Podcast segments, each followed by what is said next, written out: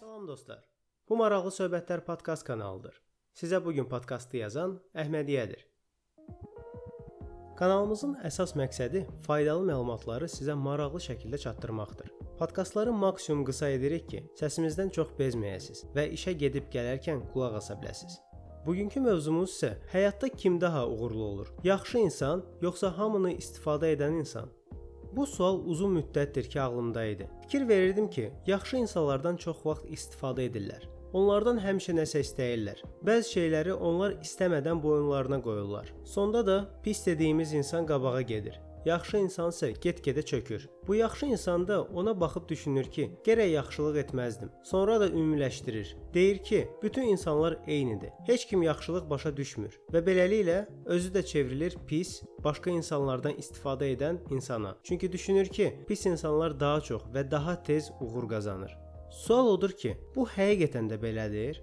Bu sualın cavabını axtararkən sosial tədqiqatçı Adam Grantın Give and Take kitabını tapdım. Adam Grant həyatda rastlaşdığımız 3 insan tipindən hər biri ilə necə münasibət qurmalıyıq və ən əsası da hansı tip həyatda daha çox uğur qazanır haqqında kitabında yazır. İngilis dilində bu 3 tip insan givers, takers və matchers adlanır. Gəlin indi bir-bir onlara baxaq. Birinci tip givers. Sözü tərcümə etsəm biraz pis çıxacaq. Ona görə də sadəcə mənasını ötürəcəm. Giverlər enerjilərini digər insanlara ötürənlərdir. Bu tip insanlar hər vaxt əvəzində heç nə gözləmədən, xeyir güdmədən hamıya hər işdə dəstək olmağa çalışırlar. Özlərini necə pis hiss etməklərindən asılı olmayaraq, onlardan kömək istəsəz, sizə həmişə hə deyəcəklər. Həmişə də çox pozitiv enerjini ötürürlər başqalarına. Giver insan kömək edəndə, onunla işi görəndə komanda ruhu yaranır. Nəticə əldə edəndə işin 99%-ını görsələr də, biz, bizim komanda, mən heç nə eləmədim ki, hamısını siz elədiniz sözlərini istifadə edirlər. İkinci tip insanlar takers. Giverlərdən fərqli olaraq bu əclaflar əksinə enerjini özlərinə götürürlər. Bu insanlar yalnız özlərini düşünür. İnsanları istifadə edib ancaq öz xeyirlərini güdürlər. Məqsədləri ətraflarını manipulyasiya edib özləri üçün maksimum uğur qazanmaqdır. Sizdən gələcəkdə nəsə istəmək, istifadə etmək üçün bu gün sizə kömək edə bilərlər. Amma bilin, tək bir insan sizə kömək etsə, bu kömək borcunu qaytarana kimi özünüzü narahat hiss edəcəksiniz. Fikrinizdə nə olursa olsun, bu borcdan canınızı qurtarmaq olacaq. Bu tip insanları işin 1%-ni etsələr belə, mən, mənim o 1%im olmasaydı siz heç nə edə bilməzdiniz və s. sözlərdən tanıya bilərsiniz. Sizi bilmirəm, amma takerlər haqqında oxuyanda şəxsən məndə onlara ən azı bir şapalaq vurmaq ürəyimdən keçir. Keçək 3-cü tip insanlara. 3-cü tip matchers, uyğunlaşanlar. Bu insanlara qarşı yaxşılıq etmisinizsə, onlar da sizə qarşı yaxşı olacaq. Pislik etmisinizsə, sizi pis günə salmayana kimi sizdən əl çəkməyəcəklər. Əvəz-əvəz dünyasında yaşayırlar. Qısaca, bu insanlara qarşı siz necə olsaz, onlar da sizə qarşı elə olacaqlar. Onu qeyd edim ki, araşdırmalara görə bir çox insan bu qrupa aiddir. Kiməsə kömək edəndə tam təmiz qəlbdən bunu etmirlər. Elədiyi yaxşılığın qarşısında sizdən bunu qəbul etməsələr də, yaxşılıq gözləyirlər içlərində. Adam Grant bu üç tipi tapıb başladı araşdırma aparmağa. Əsasən də Amerika və Avropada yerləşən şirkətlərdə. Araşdırmanın əsas məqsədi bu üç tipdən iş yerində ən çox uğur qazanan tipi tapmaq idi. Sizcə ən çox qabağa gedən tip hansı oldu? Araşdırmanın nəticəsi göstərdi ki, işdə ən az nəticə göstərən tip təəssüf ki, hamıya kömək edən giver oldu. Bunu eşidib bir çoxlarınız məyusluq hissini yaşaya və giver olmaq sərf etmir fikrinə gəlib bu podkastı dayandıra bilərsiniz. Amma tələsməyin. İndidən qeyd edim ki, hər şey bu qədər sadə deyil. İkinci yerdə olan, yəni işdə orta nəticə göstərən tip hansı, daha doğrusu hansılar olsa yaxşıdır. Orta nəticə göstərənlər qrupuna takerlər və əvəz-əvəz prinsipi ilə yaşayan matcherlər düşdü. Fikir gələ bilər ki, bəs yaxşı, giver şirkətin loser edirsə, taker və matcher orta nəticə göstərirsə, bəs onda şirkətin superstarı kimdir? Ən yüksək nəticə göstərən tip Hazırsınız? Bu yenə də giver oldu. Necə olur da? Giver həm loserdır, həm də yüksək nəticə göstərəndir. Uğursuz giverdən uğurlu giverə necə keçmək olar sualının cavabını tapmaq üçün Adam Grant araşdırmasını biraz da dərinə apardı. Detallı araşdırma nəticəsində tapdı ki, Takerlər işə daxil olanda ilk 2-3 il ərzində şirkətdə böyük sürətlə hamını ata-ata istifadə edə-edə qabağa gedirlər. 3 ildən sonra isə nəticələri birdən aşağı düşür. Bu heç də təəccüblü deyil. İnsanları bu qədər atandan sonra axır əvvəl Takerin necə insan olduğunu hamı başa düşür və ondan uzaqlaşır. Taker də artıq heç kimi istifadə edə bilmədiyinə görə heç bir nəticə göstərə bilmir və bir müddətdən sonra ya şirkətdən qovulur, ya da özü oranı tərk edir.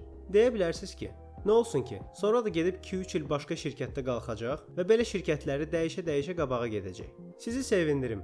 Şirkətlər çox vaxt işə götürməzdən əvvəl sizin əvvəlki yerinizdə olan menecerinizlə söhbət edib haqqınızda rəy alır. Əgər neqativdirsə, işə götürmürlər. Həmin insan 2-3 şirkət dəyişib qabağa düşə bilər. Amma bilin, Bunu uzun müddətli etmək böyük ehtimal onda alınmayacaq. Matcherlar isə hamı ilə əvəz-əvəz prinsipi ilə işləyib bir nöqtəyə kimi qalxıb dayanırlar. Çünki hamı bir vaxtdan sonra tutur ki, onlar hər gördüyü işdə nəsə güdürlər. Təmiz qəlbdən heç nə etmirlər. Belə insanlar bu səbəbdən möhkəm əlaqələr qura bilmədiklərinə görə şirkətdə oturub öz işlərini görüb orta maaşla dolanırlar. İşdə ancaq 9-dan 6-ya kimi öz işlərini görən, illərlə eyni vəzifədə qalan və heç bir təşəbbüs göstərməyən insanlar adətən matcherlar olur. Giverlar işdə bəzən öz işlərindən əvvəl ilk növbədə digər insanlara kömək elədiklərinə görə energetik krizis yaşayırlar. Çünki takerlar bu qrupun insanlarını tapıb onları istismar edir. Göstərdikləri dəstəyə görə giverlar heç bir dəyər görmədiklərinə görə onlar vaxt keçdikcə sönür. Sönüb də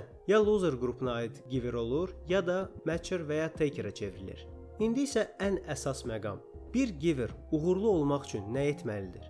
İlk növbədə enerjisini kontrol etməlidir. Resurslarını Pareto qaydası ilə 80% öz işinə, 20% isə komanda yoldaşlarına dəstək olmaq üçün ayırmalıdır. Niyə mütləq ayırmalıdır? Çünki başqalarına dəstək olaraq vaxt keçdikcə giverlar çox möhkəm əlaqələr qurur. Bu əlaqələrə görə də komandasından lazım olan dəstəyi alır və şirkətdə davamlı və dayanıqlı inkişaf edir. Giverin ikinci etməli olduğu bir şey taker və matcherları tapıb onlara cavab verə bilməlidir.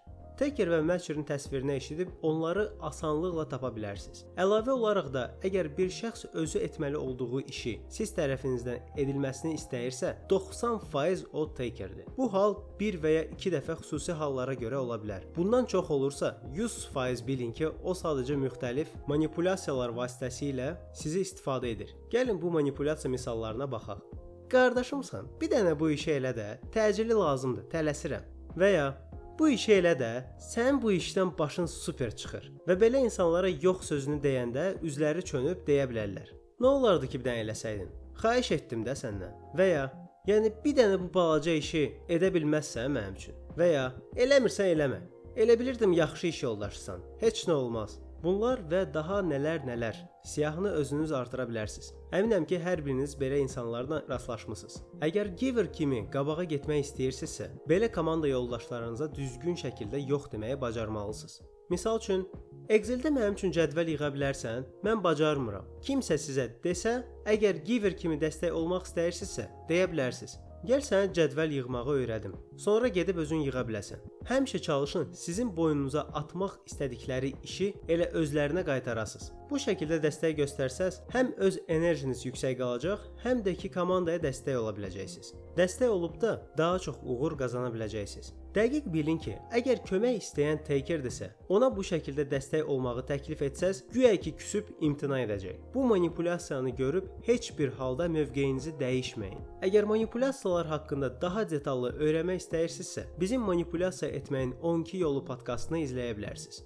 Bir giver uğurlu olmaq istəyirsə, üçüncü etməli olduğu bir şey digər insanlardan kömək istəməkdir. Hamıya dəstək olan insanlar çox vaxt kömək istəməkdən çəkinirlər. Başqalarını həmişə ilk növbədə düşündüklərinə görə fikirləşirlər ki, əgər onlardan kömək istəsələr, onları narahat edərlər. Giver isə öz əlini kəsər, amma başqalarına heç vaxt əziyyət vermək istəməz. Bu səbəbdən də giverin öz enerjisi tükənir. Heç təəccüblü deyil. Heç vaxt kömək istəməkdən çəkinməyin. Əgər köməyi giverdən istəsəz, o canla başla sizə kömək edəcək. Matcherdən istəsəz, özünüz giver olduğunuza görə O da sizə eynisi ilə cavab vermək istədiyinə görə kömək edəcək. Taker olsa isə sizi pis hiss elətdirməyə çalışacaq. Çalışanda da qətiyyən pis olmayın. Bilin ki, bu manipulyasiyadır. Son olaraq Adam Grant araşdırmada loser giverlərin həm də maaşının aşağı olduğunu gördü. Səbəb o idi ki, giverlər müdirdən maaşların artırılmasını istəməyə, yüksək nəticə göstərməklərinə baxmayaraq çəkinirdilər. Bu çətinliyi aradan qaldırmaq üçün buna layiq olduğunuza həqiqətən də inanmalısınız. Əgər heç nə kömək etmirsə, ən yaxın insanları düşünüb maaş artımını nəticələrinizlə əsaslandıraraq istəyə bilərsiniz. Misal üçün düşünə bilərsiniz ki, mənim axı ailəm var. Maaşım yaxşı olmalıdır ki, ailəmə yaxşı baxa bilim. Bunu edə bilməsəm, mənim yaxınlarım mənə görə pis olacaq. Bu effektiv texnikadır. Amma uzun müddətli güclü xarakterli bir giver olmaq istəyirsinizsə, özünüzə inanmalısınız. Beləliklə giveri uğurlu edən əsas 3 şeydir. 1. Qurduğu möhkəm əlaqələr. 2. Taker və matcherları tapıb onların qurbanı olmamaq. 3 enerji krizisini yaşamamaq üçün kömək istəməyi bacarmaq. Bu üçü olsa, bir giverin şirkətdə qalxmaq şansı qat-qat artacaq. Belə dostlar, bu həyatda kim daha uğurlu olur? Yaxşı insan yoxsa hamını istifadə edən insan podkastı idi. Qeyd edim ki, insanlar dəyişə bilər. Necə ki giverlər çevrilib taker və matcher ola bilirlər, eləcə də taker və matcherlər də vaxt keçdikcə giver ola bilərlər. Bunu da etmək üçün giverlər gərək öz nümunələrində göstərsinlər ki, yalnız giver kimi davamlı olaraq yüksək nəticələr göstərmək mümkündür. Bunu sizdə görəndən sonra onlar da həvəslənib giver davranışlarını zamanla mənimsəyəcək. Amma bilin ki, bu tez olmayacaq. Buna biraz vaxt lazımdır. Güman edirəm ki, bu podkast sizə maraqlı oldu. Oldusa, bizə əsl giver olaraq rəy yaza bilərsiniz və ya xoş sözlərinizi podkastın təsvirində qeyd olunan e-mail ünvanına yaza bilərsiniz. Hər xoş söz daha çox podkast yazmaq üçün əlavə motivasiyadır bizim üçün. İstənilən halda hər birinizə uğurlar. Növbəti podkastlarda görüşənədək